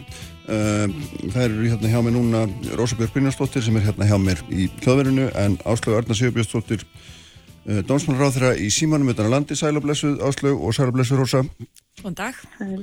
Uh, við ætlum aðeins að hérna ræða svona nokkuð mál kannski, þó einhverjum og sérlega kannski tvö mál sem er áhugaverði svona að tengja saman líka hérna áslögarna það er auðvitað þetta málans Jón Steinar sem að, að síðan bakkað út og var nú tilumni mikillar umræðu og svona endur speklaði nú kannski einhverju leiti held ég uh, óanægu hvenna, getur maður sagt með það hvernig dómskerið hefur brúðist við þeirra umkvartunum gegnum tíðina í einmitt hérna, mjög viðkomið málaflokkum ábeldis, heimils, ábeldis, ábeldis og, og svona kynferðsbrota málum uh, þú ákvæðast að skipa hann og það var nú vist ekki ljóstalið hvað hann átt að gera. Ég meina, skýrði mig aðeins þetta mál fyrir hvað átt hann er raun og verið að gera Já, ég fekk hann til að, og taldi mikilvægt að það hvort ég gæti að læsta af löngum málsmæðferðartíma í þessum efnahagsbrotum og hvað séu möguleikar að stýta hann til hagsbúta fyrir aðla og læra úrvæsli slíkra mála frá síðasta áratug og nýtt hann lært á mig að bæta kerfin okkar og hann átt að vinna til um í því, ég taldi mikilvægt að fá einhvern utan kerfisins en hann hefur nú uh, dreigið sér tilbaka úr þeirri vinnu og ég fengi hörð Felix til að taka sér það verkefni. mm -hmm. en, en Og hans, það voru alltaf tengt tvö mál í umræðinni Já. eh, og ótengt mál og þau tengdus umræðinni og ég get kannski alveg, ég get alveg skilið að fólk hafi gert þau hugreininga tengst hvernig þessi frétt kom út og það hefur verið almennt orðað í hérna, þeim samningi sem voru gerð við hann en það voru auðvitað mjög skýrt frá mér hvað verkefni væri og það er mjög skýrt að Hörður Felix tekur að sér það verkefni. já, en þannig að það, það stóð aldrei til þvert á það sem hann sjálfur sagði að hann skoðaði þennan ábeldismálaflokki í þessu saminginni Nei, nei, og hann tekur það auðvitað líka fram í greinsinni en við erum ekki að ræða hann sérstaklega. Eh, Nei, nei. Það, það eru eh, auðvelt að skoða verkin mín í e- e- bæði ábeldisbrotum og kemferðisbrotum, bæði frumur sem ég lagt fram al, alþingi og eftirfylgni við aðgerra áallin í bætti meðferð og kemferðisbrotum til að sjá hugminn þar. Rósa, þegar þú skoðar þetta nákvæmlega sem að hún áslögarnar er nefna, var þá ástæða til alls þessa uppþóts? Algjörlega. Ég, Það var það? Já, það var það, vegna þess að þetta gerist akkurat í sömu vikunni og, og eh, við erum að eh, minnast eða halda upp á alþjóðlega barðu að það kvenna og það er líka gráð alvarlegt þegar nýju íslenska konur telja sig þurfa að leita til mannreitindóstól Evrópu vegna þess að, að íslenska réttakerfi er að bregðast þeim og réttar vörslukerfi líka og telja sig að þurfa að leita svo langt með sín mál. Gerist ég vil, ég, ef ég má klára, þá er það náttúrulega líka þannig að, að hérna, þótt svo að það er alveg rétt að dónsmálar á þeirra hefur komið fram með ímis góð mál þegar kemur að, að e, jafnbryttsmálunum og, og hérna, því sem að lítur að kynferðslega opildi, það er til að mynda lagafrumvarpum umsátu seinelti og kynferðslega fríðhelgi og, og svo er núna eru til umfylgjarni þinginu frumvarpum um hertar aðgerð vegna málsans þetta eru mál sem spretta ekki fram í tómarúmi eða eru enga mál áslöðuröndin Sigurbjörnsdóttir. Þetta eru mál sem að eru afspringju viðbröð og aðild okkar að Evrópuráðinu, aðild okkar alþjóðsáttmálum á borði Ístanbúl samningin og þróun lagasetningar í ríkjanum í kringum okkur og dómafrangand. Að, og, og líka er þetta sömulegis afspringja því sem hefur að gerast inn í þinginu og svo líka í, í eh, svona framhald af heilstæri aðgerra átlun sem var kynnt fyrst í árið 2009. Þannig að þetta er búið að vera svona þróun í gangi sem að er ótrúlega mik- mikilvægt að, að bregðast við og þess, þess, það er einmitt þess vegna sem að vegna þessa alls sem að hérna það var svo ótrúlega mikil vonbreiði að, að Áslu skildi skipa Jón Steinar Gullarsson sem sinn trúnamann til að fara yfir málsmeð að hraða í réttakerfinu og það var mikil vandræðgangur vegna þess að skýrt þau, að þau það voru hafi ekki bara verið í afmörkuðu málaflokkum. Já, já, já, já, en það var líka mikill vandræðgangur vegna þess að hann skildi ekki þannig og þó svo að hún skildi öðruvísi, að hafi skipað öðruvísi en það er líka kannski ástættis að staldra við og segja býtunum við, er þungin á efnaðasafbrotin svo mikill á kostnað uh, kynferðisafbrota að það sé verið að bregðast við þeim meðfrarhraða á undan og með miklu meiri þunga á hraði heldur um málsmeðfrarhraða kynferðisafbrota. Og það tel ég vera mjög alvarlegt. Aha, Áslög, Arna, hérna, skulum, Já, ég þakka sér að fá að bregða þessu. Og í fyrsta lagi að þá kemur, var þetta ekki gert í sömu vikunni. Þau viljum þetta reyna að varpa einhverju viki hér upp. Það voru bara fréttir af þessu verkefni sem voru færðar í sömu viku, það eru eitthvað síðan að uh, þessi samningu við hann var gerður síðan er áhugavert að heyra að hún telji að maður sem var fengið til verkefni sem segja skilgreina verkefni en ekki ráþarann sem fekk hann til þess. Það er auðvitað mjög skýrt hver ræður því eh, hvert verkefnið er og ég hafa alltaf verið mjög skýr með það og samningurinn hafi verið full almennur um, en það voru auðvitað þannig að þegar það kemur eitthvað úr svona vinnu að það geti líst almennt fyrir fleiri. Þegar uh, síðan er farið yfir það að það sé eitthvað forgangsatriði efnahagsbrotin og það sé það takki fram fyrir kynferðsbrotin þá er það þetta alrátt. Það er það sem hefur verið í forgangi undanfærin ár eru kynferðsbrotum á nefnitt og það hefur verið gaggrít sérstaklega fjármunni bæði lögurugluna e, og öll þau hérna, forgangsmál sem hefur verið ítt og eftir séu e, í þessu og það hefur verið forgangur bæði ríkistjóðnarna mín og fyrrum ráðherra í dómsmálráðanettinu og sagan er mjög góð við hefum verið að fylgja eftir þessar aðgerra állin og einmitt líka að hraða þeim málstafæratíma. Það hefur verið gert verulega með rafrætti rannsóknar áallin fjölgun löguruglumanna e, í, sérstaklega í þessu rafrætni réttarverslu gátt nýju verklagi og ég geti áfram talið. Sem eru tilröðunverkefni? E, nei, alls ekki. E, það er algjörlega ljóst að þarna hefur forgangurum verið og við höfum verið að hraða málsmyndar í kemfellsbótamálunum en það er síðan bara óskilt því að í efnagsbótamálunum hefur verið e, fólk verið sagbortningar í mörg, mörg, mörg ár og það er verið að rétt að vera að byrja að skoða það núna Já, já. og, Og meðan málsmeðferð- það er búa til fyrr að þyrli friki og tvenna þessu uh, saman uh, með þeim hætti sem hefur verið gert undarfarnar daga uh, er bara rátt um, en það er auðvitað rétt að þegar við erum að hraða málstafari tíma í einhverju þá gagnast það þetta almennt í öllum sakamálum. Já, og það er ekki gott fyrir neitt hvorki brótaþólun ég sagbortning að málinn drægist á langin Nei, nei, og það er, hefur það er skýr auðljóst. fórgangsröður með kynferðsbúta málinn að stýtta það málsmeðferði tíma styðja betur við brótaþóla og það sést bara á öllu því sem hefur verið gert undir farin ár. En áslega, hérna, ef þú horfir nú á þessar nýju konur sem eru núna kona fyrir mannhildadómstól Európu og, og horfir framann í þær og segir við þær, þessi mál eru, hafa verið og verið í forgangi. Ég veist að þú fengi nú, hérna, ekki samþyggi við því. Það er alltaf gott að fá ábyrðingar hvað mætti gera betur Já. og það er ekki það að segja þó að það er margt gert að þetta sé bara orðið fínt og við setjum bara punktinn baka hér. Heldur erum við einmitt að halda áfram aðgerra á allir markaði tími til 2022.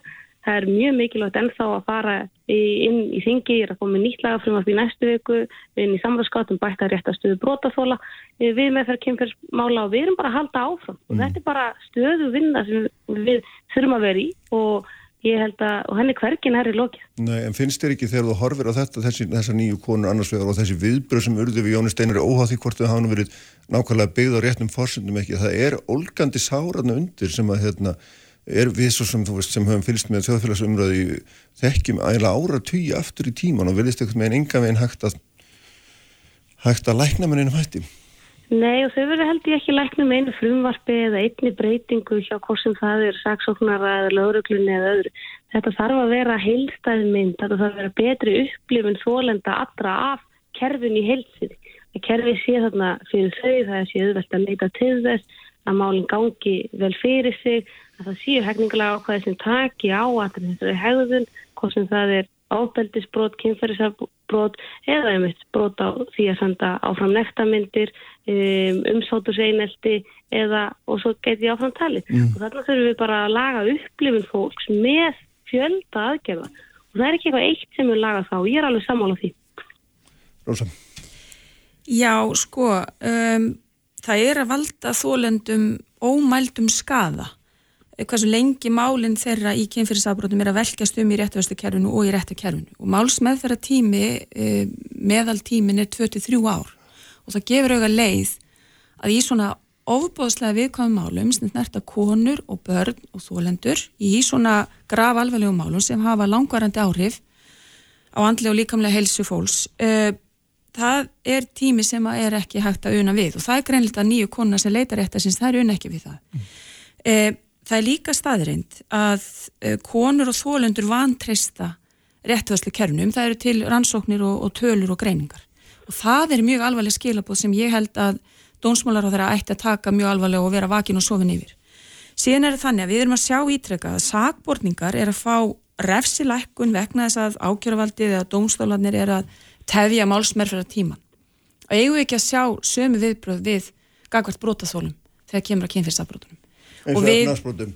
Ég, Ertu að tala um það? Nei, ég er að tala um bara að sakborningar er að fá ítrekka refsilækkun vegna þess að, að málinn er að tefjast í hjá, hjá ákjöruvaldinu eða dómstólum, hjá e, í kynfyrstabrótum og við erum líka að sjá að núna ítrekka það sem hefur valdið olgu líka í samfélaginu er að landsettur er að snúa, snúa við dómum mm -hmm. í kynfyrstabrótum og það, allt þetta eins og þú ert að segja þarna er undir mikil sár og þetta er afskaplega viðkvæmur málaflokkur og, og ég tek undir með áslögu með það að þó að, þó að það sé framfærir að mörgu leiti í þessum málaflokki þá er aldrei það er ekki hægt að nema staðar og segja við, við höfum gert rosalega góða hluti og þar með ætlum við bara einhvern veginn að láta staðan umið en það er stöðugt verið að þessi mál eru stöðugt í hérna eruðana mm. og við þurfum að bregðast hérna miklu skýrar og alvarlegra við við þurfum til að mynda að það þarf að ebla ákvæði almennar hefningalagum barnanýð mm -hmm. og það þarf að fara í markvisa kennsl og mentun og kynfyrsafbrotu fyrir rannsakendur og ákjærendur og dómara og löguruglu og svo framvis En finnst þér ekki að það sem að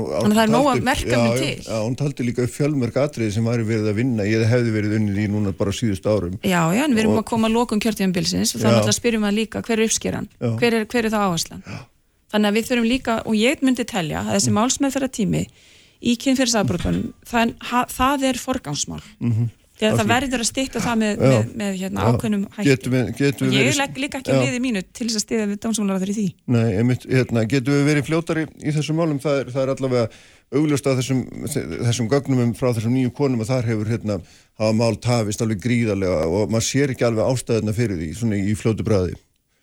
Já, við erum auðvitað alveg samála því að það þarf að styrta málsvöru tíman. Það hefur verið mjög mikil vinna og mikil kapplagt það og það er til dæmis bara með stafrænum breytingum, með fjölgun uh, starfa, með nýju verklagi í hjálauruglunni og ákervaldur og fleira. Þá höfum við verið að styrta málsvöru tíman en líka reyna að gera kerfi aðgengilegra og svona til framtíðar og þá til dæmis mun rafræn réttaverslu gátt í byrju mikla vonu við það að bæta svona yfir sín og aðgengi og auðvitað fylgspötu með málinuðinu og að það gangi almennt hraðar af því að e, einn ángin að þessu og eitt það mikilvægast er að það mun stýtta allan málsmjöðsara tíma og það er bara vinnan sem við erum í og ég fikk bara allan góðan stuðning við það. E, hún hefur staðið yfir í lengri tíma og er ennþá yfir standandi og það var aldrei, hérna, er aldrei spurningum forgangi því. En það er auðvitað bara þetta sem við erum búin að nefna hérna, það er upplifin fólks að kerfinu og þá er það mikið að koma og það er spurt að í hvað stendur eftir eftir kjörtímanbili ég held að standi eftir eftir kjörtímanbili gjörbreytt hegningarlög bæði mm kynferðislega friðhelgi, umsáttu senesti batmanni þá komið í samráðskáttina frá mér á svona fleiri breytingum á herningalögunum en það er að koma bætt rétt eftir að brótaþóla inn í næstu viku í samráðskátt þetta mun standa eftir görbreytt lagaumhverfi fyrir þólendur alls konar ofbeldi sem þurftu sterkari vend, styrkari vend og skýrari eftir nútímalegum þörfum í herningalögum en líka alls konar önnu vinna sem ég er búin að vera nefna hérna. Það er búin Eh, öll þessi rafræna vinna, það er fjölgun öruglumanna í þessum uh, málum sérstaklega.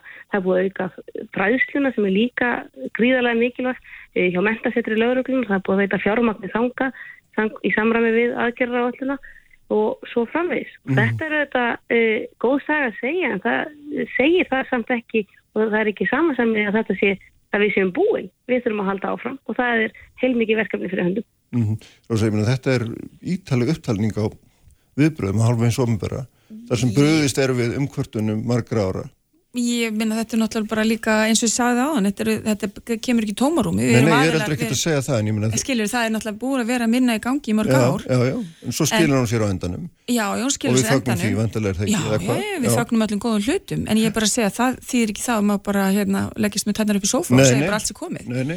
Því hérna, er. Mm. Við erum að sjá líka uh, við erum að sjá áhrif kláms við erum að koma mjög, með, með mjög hérna, skjálfilegum hætti inn í bæði e, kynfyrirsafbrotin og kynhegðun hús fólks og það þarf að taka mjög hart á þeim, þeim hluta. Og e, ég hef ekki segð mikið, mikið fara fyrir því til að mynda.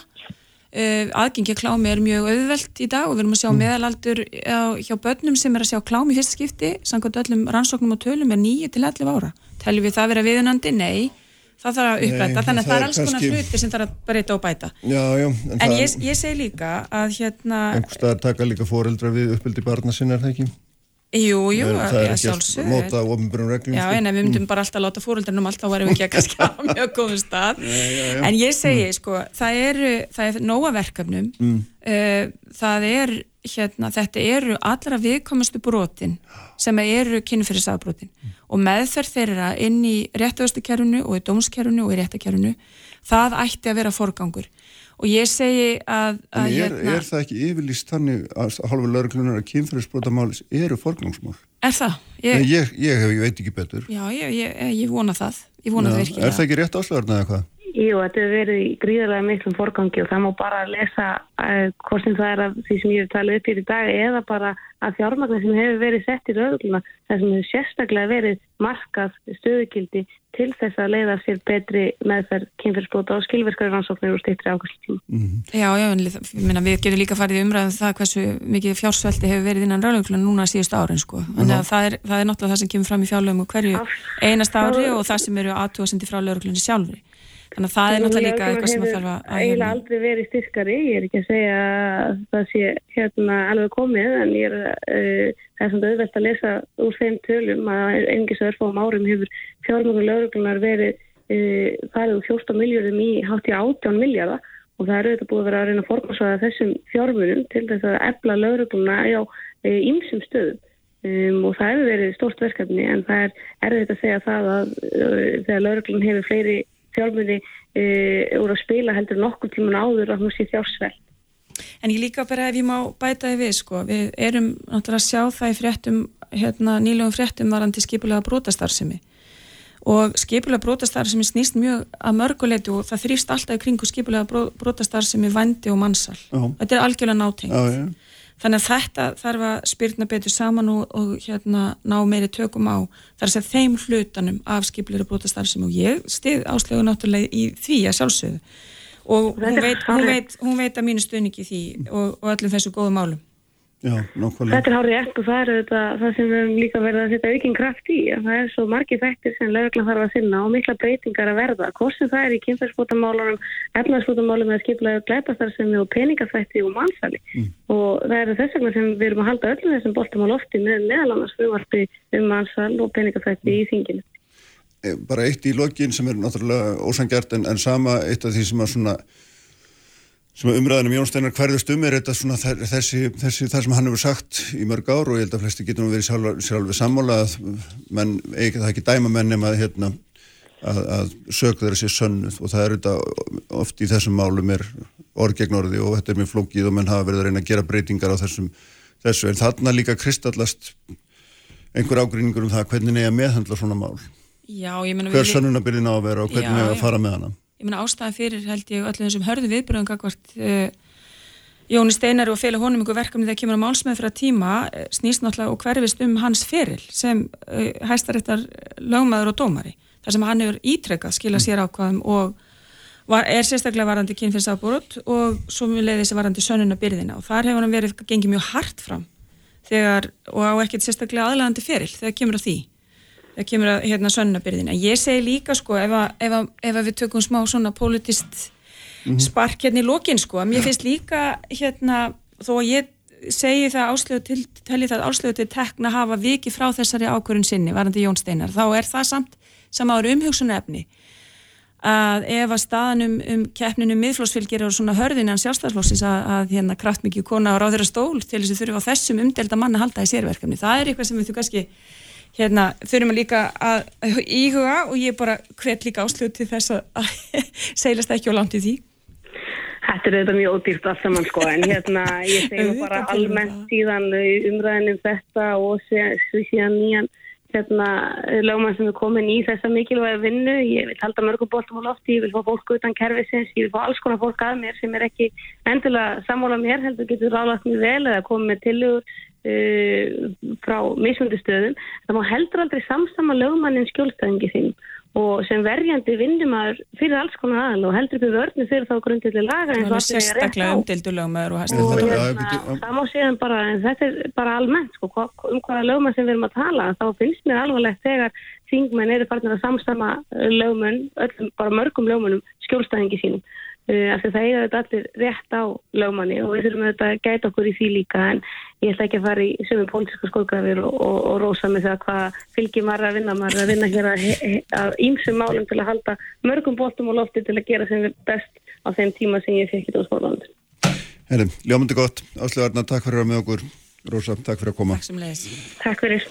Reynir Smári Allarsson sem er sérfræðingur í sjálfbarni verður hérna hjá mér eftir augnablik Sprengisandur, alla sunnudaga á bylgjunni. Kristján Kristjánsson á Sprengisandi. Uppspretta frétta á Sprengisandi á Bylgjunni. Sæli hlustundur, þá er þær farnar frá mér Áslega Arna Sigurbjörnsdóttir, Dómsmálaráþara og Rósa Björk Linjarsdóttir Aldingiskona vorum hér að ræða um þennan viðkvæma málaflokk, kynferðis brotamálin og hérna kröfur um, um, um hraðari málsmeðferð og, og betri auðvitað gagvart hérna þeim sem að gagvart þeim uh, fórnulömpum eða brotaþólum eins og það heitir sem að hérna í þeim berjast. Nú ég ætla að fara í alltara hluti því að hér er hjá mér Reynir Smári Allarsson, hann er sérfræðingur í sjálfbærni, starfsmaður landsbankans velkomin. Takk fyrir. Uh, eitt af svona ef maður byrja mjög vitt þá, þá er hérna einn stærsta umræði heiminu held ég að maður séu ótafullir það er kannski svolítið mikið satt en sama. Er, að, er hvernig við förum út úr þessari COVID-greppu og, og hérna þá er þessi krafa um það að við endur sko um samfélagið og förum í átt að sjálfbærari lífsáttum og, og hérna maður svona síðan förum við smækum við okkur og förinir í banka þar vinnur þú og þar er bankar eru greiðlega áhrif miklir um það hvert fjármagn fer og fjármagn reyfi all, all, allra hluta og ef fjármagn fer ekki í sjálfbærni þá hérna, fer það eitthvað annað og við ætlum að þess að reyna að koma staði hvernig við beinum fjármagninu þangað, þetta er það sem þú fæst við okkur en degi að skoða og skilgrina mm. segði mér bara frá upphau, hvernig er svona frá byrjun, hvernig, hvernig horfið þið á þetta? Hvaða, hvaða svona, hvað er það sem þið þurfum við að skoða fyrst og fremst til þess að eða fyrst af öllu til þess að geta komist á réttaslóð Já, eins og nefndir þá erum við með þá erum við ákveðið hreyfjafli í samfélaginu. Mm. segir bankar eru kannski þær, þær tíundi fyrirtækja sem hafa hvað mest áhrif út í samfélaginu, við erum að hitta viðskiptafinni hvort sem það er einstaklingar að fyrirtæki og getum haft mikil áhrif á hvert við beinum fjármagni. Og svona það fyrsta sem maður þarf að vita í rauninni er hver eru þá umhverfis áhrif banka. Og svona í sögulegu samengi þá hafa bankar og fyrirtæki verið að skoða sín umhverfis áhrif eh, bara sem sem sagt bein umhverfisáhrif þá sem eru þá bara frá rekstri fyrirtækisins beint og svo mögulega óbein og það er yfirleitt á þær vöru sem fyrirtæki er að kaupa. Eh, en núna eru bankar byrjar að skoða líka umhverfisáhrif frá til dæmis útlán og fjárfyrstingarstarfsemi og það er aðferðafræðin hefur frá viðskiptavinnum sínum í raun og veru. Já, í rauninu frá viðskiptavinnum sínum. Og, og sem sagt þetta þýðir að, að kólefnisspor banka sem að vita þessar upplýsingar Eh, er, gríð, er miklu miklu meira heldur en það hefur áður verið talið. Og, og þetta er eðlilegt að, að skoða. Þetta eru þeirri rauninni óbein áhrif frá rekstri bankana og það eru bankar erlendis byrjar að byrta þessar upplýsingar. Uh, og ég var nú síðast bara að skoða þessar upplýsingar frá bankanum ABN AMRO. Og þá sína þeir sko, umhverjusáhrifin frá beinum rekstri sínum eins og hann hefðbundin skoðari sem nefndi á hann og séðan frá útlán á fjárfestingarstarfsemi og það kólefnusspor er langt, langt, langt um stærst. Og, og þegar þekkir þessi áhrif þá getur þú farið svona að skoða nánar hvar, í hvað er það í okkar útlán á fjárfestingarstarfsemi sem að er að skipta svona miklu máli? Og hvernig getur við breytt því? Mm -hmm. því að ef þú veist þessar upplýsingar ekki þá er svolítið erfitt að koma með áhrifar ríkustu lausnindar Og hver, hver svona hvernig er svo ferillin þegar maður er búin að kynna sér sér viðmið og vita cirka hvað er, hvað er gott og hvað er slemt getur við sagt Já. hvað gerist þá? Já, í fyrsta lagi þá verður þetta vantilega aldrei þannig að þetta verður bara annarkort gott eða slemt Nei. og það verður einhverju mælikvara sem verður nota er þetta getur verið þá eh, heldarlósum frá einhverjum ákveðnum atvinnugrinnum í útlánarsafninu eða það getur verið einhverju atvinnugrinnar sem eru bara með eh, það eru bara auðveldur lausnir til þess að aðstofa uh, þau fyrirtæki og ferillin verður þá vantarlega að þessar, þessir möguleikar eru skoðar þá í samtali við fyrirtækin og, og svo mögulega aðstöðu við að, við að innlega það lausnir. Þannig geta bankarunni kannski helst komið eh, sagt, haft áhrif á þessa starfsemi sína. Mm -hmm. En er þetta þá að hugsa þannig, erum við að sjá með það fyrir sér að, að fjármála fyrirtæki þau fara að skoða hérna, kólumsfóðspor viðskiptavina sína og þau sjálf hafi síðan eitthvað frumkvæð að fara til þeirra að segja að þú gerir þetta öðruvísi hérna, þá lagar þú þína starfsum og þá er ég tilbúin að lána þér, er, þá eru bankarnir varnir að skipta sér ansi mikið af Já. hlutum sem þeir ekki eiga stjórna myndi Já, halda, sko, já, eða hvað? akkur, akkurat, akkurat. Ég held að þetta er kannski eftir svolítið að koma í ljós ef ég á að vera alveg hinskilin, hvort að bankar verði sko eins og í eftirlitsstofnanir, já. já. ég held að kannski verði það ekki endilega þannig, þetta verður þá meira að bankarnir verði einhvers konar sko breytjafl sem er augljóslega að bjóða fyrirtækjunum að taka þátt í breytingunum. Og þá mögulega fyrirtækin getur komið til bankan og sagt við sjáum þess að lausn hérna, við getum dreigja úr losun okkur um þetta mikið, e, getið aðstofa okkur að fjármagna þetta. Og, og bankin getur þá, og eða, eða proaktíft farið út og sagt við sjáum, við vitum að þessi lausn til vegna þess að það er mikið af fólkin af bankana sem hefur mikla þekkingu á átvinningrununum og, og getur kannski komið til fyrirtækjana að proaktíft. Ég held að þetta er svolítið eftir að koma í ljós, hvernig framkvæmdin verður. En áður en að við getum farið út í þetta svona í praxís, þá verðum við alltaf að þekkja sagt losununa og það er svona þunga miðjan í vinnunni okkar núna að, að skilja þetta og, og síðan að, já, kortleggja þetta og, og svo eiga síðan samtal bara innan bankans, hvað getum við svo gert með þessari upplýsingar í framtíðinni? Já, hvað, hvað eru við til dæmis hér á landi eftir þinni bestu vitninsku komið langt í að Þekki þetta? þekka þetta, hvað, hvað er langt í að við getum svona fullnýtt okkur upplýsingar úr þessum Já, aðferðafræðin hefur bara ekki verið til. Þess vegna hafa bankar og fjármálastofnir ekki verið að byrta þessar upplýsingar eða ná að skoða þetta. Þannig að það getur gerst að ef ég skoða þetta og annar banki, þá getur við fyrir að tvítelja og ef við erum ekki nota nákvæmlega sem aðferðafræðina. Og það eru samtök sem þetta á ennsku Partnership for Carbon Accounting Financials, það er talað um PCAF, sem landsbankin eh, er aðeins að. Og þar eru bara margir á stærstu böngum í heimi samankomnir til að þróa þess aðfrafræði og fyrstu draugin voru byrt núna á haustmánuðum 2020 og þannig að bankar eru núna að byrja er að nota sömu aðferðfræðina til þess að skilja eh, þennan þátt. Og, og ég held að sko markmiðið okkar er að vera fyrir á, á þessu ári að þessar upplýsingar séu til allavega innan hús og uh, bankar erlendis eru byrjar að byrta þetta og, Mm. og, og ofnbegla þannig að það er hægt að fara á vefsíðu þessar samtaka og, og fletta upp hvað bankar hafa að byrta þessar upplýsingar og skoða þær og ég er bara hvet í fólk til þess að gera það sko. En er sem sagt, myndir þú segja að, að svona gróft áallega að, að sko fjármála starfsem í heiminum uh, hún sé smám saman að færast í í þessa átt í heilsinni eða, eða er þetta bara einhver afmarkaður hópur af svona frumkvæðisböngum sem eru að fara þessa leiða hvernig, hvernig er svona heildar landsleiðin Já, akkurat, tökum svona skref aftur upp spó- skoðum eins og Erlendis. Ef við skoðum bara stærsta eignastýringahús í heimi BlackRock, þeir fókusin hjá þeim er algjörlega á sjálfbarni, þau eru með sjálf, sjóði sem að er að beita ymsum aðferðum í sínu stýringu hvort sem það er að skrína út þá útiloka fyrirtæki sem eru þá að vinna jarðar með eldsneiti eða, eða eða er í öðrum flokkum sem þau vilja ekki hafa í eignasafninu? Eða þau eru þá vikta fyrirtæki inn í ví- vísitölur með við framistöðu þeirra á, í þessu málflokki og fókusin hjá stóru eignastýringu og þessum stóru böngunum úti er algjörlega á sjálfbærni. Og við á Íslandi erum kannski búin að vera eh, svona kannski aðeins á eftir en fókusin við sjáum hérna innanlands að bankarnir hérna eru algjörlega á þessum vagni og, og hérna og þetta er ekki einhver uh, bólaði sem að ég held að muni fjara út. Heldur maður sér að þetta er komið alveg inn í kjarnastarfsemi bankana það eru öll sviðin að pæla í þessu og þannig að eh, já, þannig að já, ég, erlendis og í heildinni eru bankar sko ekki bara að færa að færast í þess átt, þeir eru komnir þeir eru bara á, bara á hraðri leið. Já.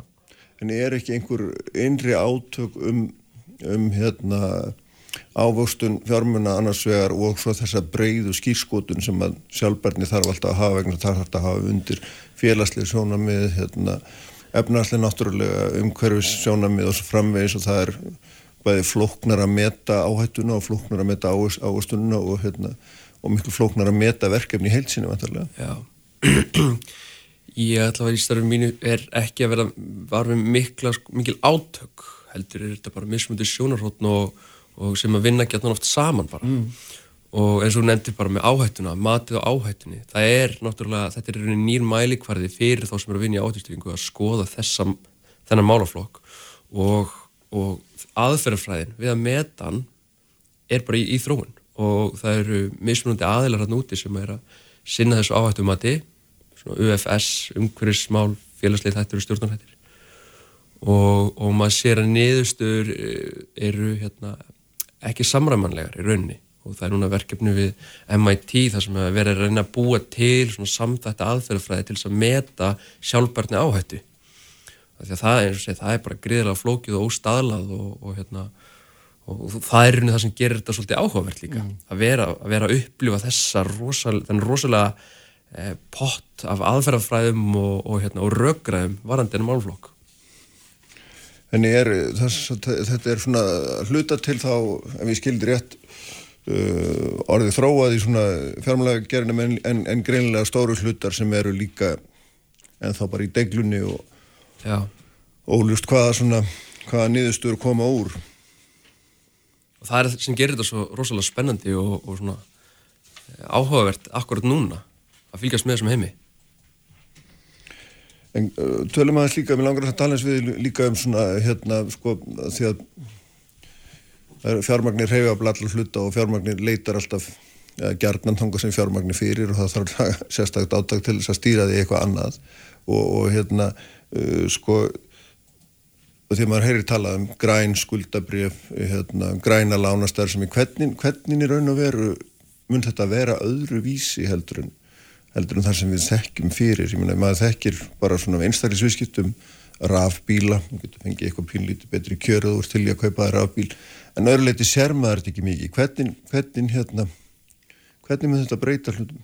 Já, þú nefndi græns skuldabref. Mm. Það er eitthvað sem almenningur hefur kannski séð núna að bankutin hefur verið að gefa út hérna innan lands og en hefur verið tölvert gert erlendis og sámarkaður er í miklum vexti. Og þau virka þannig að fjármagni sem er aflæði gegnum slíkur útgáfur má einungis verja í að fjármagna ákveðna tegund verkefna eða starfsemi sem að bankin eða útgefandin hefur þá skilgreynd í viðendi skjali sem eru kallaðar umgerðir. Mm -hmm eða frameworks á ennsku og, og kjörin sem að þessar útgefundur fá í þessum útgáfum eru aldrei runni verri, þau eru annarkort svipuð eða jafnvel betri um, og sem gerir það náttúrulega eftirsoknavert fyrir útgefundan að hafa möguleika að gefa þetta út og hafa eigna safnöðarbanki sem að stiður við þetta og þá að stækka það eignaða lánasafn um, í framtíðinni mm -hmm. og þannig að Já, ég... það er hérna sem það virkar. Já, en þannig, þetta er þá þannig að, að, að segjum að þú veitna íslenskur banki ætla að fara til útlanda og, og gefa út skuldabrif og segir þessu græn, þá kemur einhver fjárfæstur og segir já, ég skal láta þið hafa hérna þetta mörg hundru miljónir en þau mega bara, þessar miljónir mega bara fara í einhvern tildekinn örkefna flokk. Já, næstum því. Já. Bankin segir prímert, við erum, við erum með undirlingandi eignasafn sem að passar undir okkur umgjörð mm -hmm. og að allavega ja, mik mikill upphæð verum að safna eða meira og, og jafnvel hafa þið sagt þá sko já, við, við erum, erum fókus á þennan flokk mm eða þessa hérna ákveðna flokka innan umgjörðarinnar og það eru þá kannski endurlíjanlega orka eða félagslegt húsnæði eða mengunavarnir eða mm. innviði eða eitthvað þannig og, og svo fyrir að fara þér út og, og, og safna fjármagni. En þannig að þetta eru, eru sagt, þannig að þetta eru margi þættir sem geta komið til greina. Já, já. Þetta er ekki bara, snýr ekki bara einhverjum svo kvöldum grænum lausnum, heldur getur þetta líka snúið eins og þú segir félagslegu húsnæði, þetta getur snúið orkuöflun, brúarbyggingum, ég meina, eða hvað. Svona í sögulegu samvikið þá byrjaði þetta runni sem grænskuldubref og svo eru, hafa bankar verið að gefa út félagslega skuldabref og þá er fókusin einungis á félagslega þætti, þá eins og nefndir uppbyggingu félagslega húsnæði, mm -hmm. það getur verið styrking í viljitil fyrirtæki í brótættum byggðum, eitthvað í þess áttar en síðan hafa fyrirtæki verið að tengja annað við þessi, þessar umgerðir innlánastarfsemi eða eitthvað annað og þannig að það heitir unni þá bara fjármála umgerðir og það er ekki einungist á grænara eða, eða félagslega, þetta er það bara breyðari og mm. er þá bara flokkar sem sjálfbærar, það er sjálfbærar fjármálumgerir. Og eru fjárfestar eða, eða fjármaks eigendur, getur við kallað að sjóði, eru þeir mjög áhuga samir um að, að, hérna, að, að kaupa skuldabrið þessum tói, eru þeir áhuga samir um þetta, nú eru þeir heldur en svona hefbundin, hefbundin skuldabrið. Það er náttúrulega hópur núna af fjárfestum sem fókusar einungis á þessar tegundir. Sem þér að þú ert að fara að gefa svona út núna og þú hefur venjulega verið að gefa út bara hefbundin skuldabrið og þú ákveður að fara að gefa út á sjálfbært eða grænt. Að þá stækkar mengið af fjárfæstum sem þú eru aðgang að. Og hérna, eftirspurnin þá vantanlega verður meiri og þú verður að keira kjörina eins þér í hag En hva, hvernig svona, hvaða áhrif hefur þessi breytta hugsun á, á svona hugmyndir manna um veðhæfni fyrirtækja, svo dæmi sínum tekið. Þegar þú ert, hérna, að því að þú hlýtur að þegar þú ert að lána í græna lausnir, hérna, innviðan að það ert ekki með þessa hefbundnu steinsteipu veð sem alltaf hefur hérna, verið nummer eitt á Íslanda allavega. Þannig er alltaf önnur hugsun, alltaf önnur tækni, þannig er um, alltaf önnur framtíð, miklu fleiri þættir sem þetta skoða vendalega. Þetta breytir hérna ekkert hefðbundum mælikvörðum á fyrirtækin þannig séð, þetta bætir hérna bara uh, auka lagi ofan á það sem við skoðum aðra hluti og, og, og þessar umgerðir það er þá í rauninni virka sko á tvo vegu, annars verður þetta sækja fjármagnið í formi útgáfi skuldabrifa og svo notur viðmiðin þar inni náttúrulega í þá, ef þú ert að meta hæf fyrirtæki undir umgjörunni þá hinum með við, þannig að ef þú ætlar að velta þessu yfir í verkefnin ef þú hugsa bara, þú ert já, banki í bandaríkunum og ætlar síðan að fara fjármagna hérna fyrir ákveðna flokka, að þá væntanlega getur ekki fjármagna fyrirtæki sem passar ekki undir viðmiðin í umgjörunni þannig að þannig, þa- þa- sá mæli hverjurinni bætist bara ofan á en síðan náttúrulega er það þannig að fyrirtækin sem að eru að standa sér vel í sjálfbarni, þau eru að byrta miklu meira upplýsingum um sína starfsemi og, og hérna, það nýtist mjög vel inn í bara greiningu eins og þú varst að nefna veðhæfi veist, og áhættustýringu, þetta nýtist allt inn í fleiri þætti innan bankast til þess að meta fyrirtækin En er það þá þannig að svona segjum sem svo að, að ég komið eitthvað gammaldags fyrirtæki og ætla að fá lánað þá farið því að skoða og því meti það sem svo að þessi starf sem ég verður úrelt eftir tíu ár, þannig eru eignir á bakvið sem að verða einskis virði. Men er þetta hluti sem að þarf að skoða líka? Er þetta eitthvað sem að hérna, hópur bankamanna ætla sér að, að spá fyrir um? Ég held að hópur bankamanna myndi vilja skoða þetta óháð sjálfbærni í rauninni.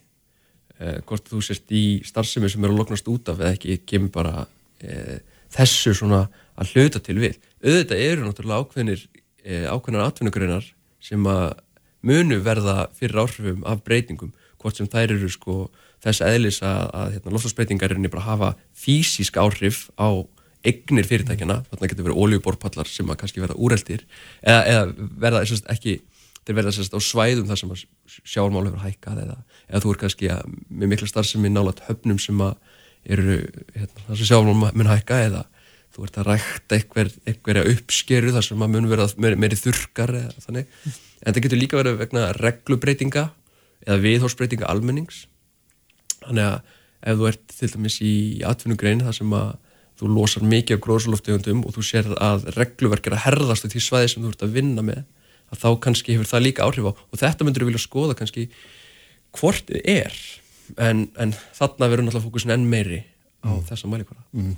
Hver, hver, hvað myndur þú svona í, ef ég ætti að byrja það að spá en hversu miklu mun þessi áherslu breytingi yfir í sjálfbærni uh, svona hérna sjálfbærni leitni í fjármaksinn sem svo má segja, hversu miklu mun þetta breyta og hversu rætt? Ég held að þetta muni gerast núna mjög hratt. Næstu 2-3 árin verða svolítið kritísk og ég held að e, þetta er alltaf svo lópin spurning en, en og, og, og, svara móti. Já, ég, þarna, já, ég held að næstu 2-3 árin verði kritíska því leitinu að bankarnir fara að taka við sér uh, á mun svona, uh, svona fastari máta, veist, það er ekki yfirlýsingar eða uh, skýslur eða þetta fer bara beint út í fjármagnið næstu 2-3 árin sko. Og bankarnir í Herlendis eru kannski svolítið í starthólum með það, við sjáum að það eru byrjar að mótast einhverjar vörur til almennings og jafnvel til fyrirtækja, einhverjar tegundir útlána. En, um, en ég held að þetta muni algjörlega stökkbreytast á næstu 2-3 árum Mm. og muni breyta mjög miklu uh, varðandi, síðan er hitt náttúrulega bara hverja breytingar það verða, ég held að það verði náttúrulega líka það er bara regluverki er að þrengjast rosalega mikið uh, og fyrirtæki komast kannski ekki upp með að sagt, sleppa því að hugsa um þennan, um þennan málflokk og það er ekki bara reglverki, það er líka eftirspurnin frá, eða kröfnum frá markanum við sjáum núna til dæmis að núna þegar áskýstur fyrirtækja á markað er að byrja að byrtast það eru, eru, eru væntanlega öll þetta árið byrta upplýsingar um kolmspór sitt og aðrar ófjárhagslegar upplýsingar. Ófjárhagslegar upplýsingar er kannski svolítið leilegt orðið yfir þetta, af því að þetta eru upplýsingar sem hafa mikil eru mikilvægar fyrir rekstur fyrirtækja. En þessar upplýsingar sem oft bera heiti ófjörðslega upplýsingar eru núna hjá öllum óskráðufélagunum og mig, nei, öllum skráðufélagunum fyrir Mm, já. og, og, og óskráðufélagin eru byrjað að byrta þetta líka.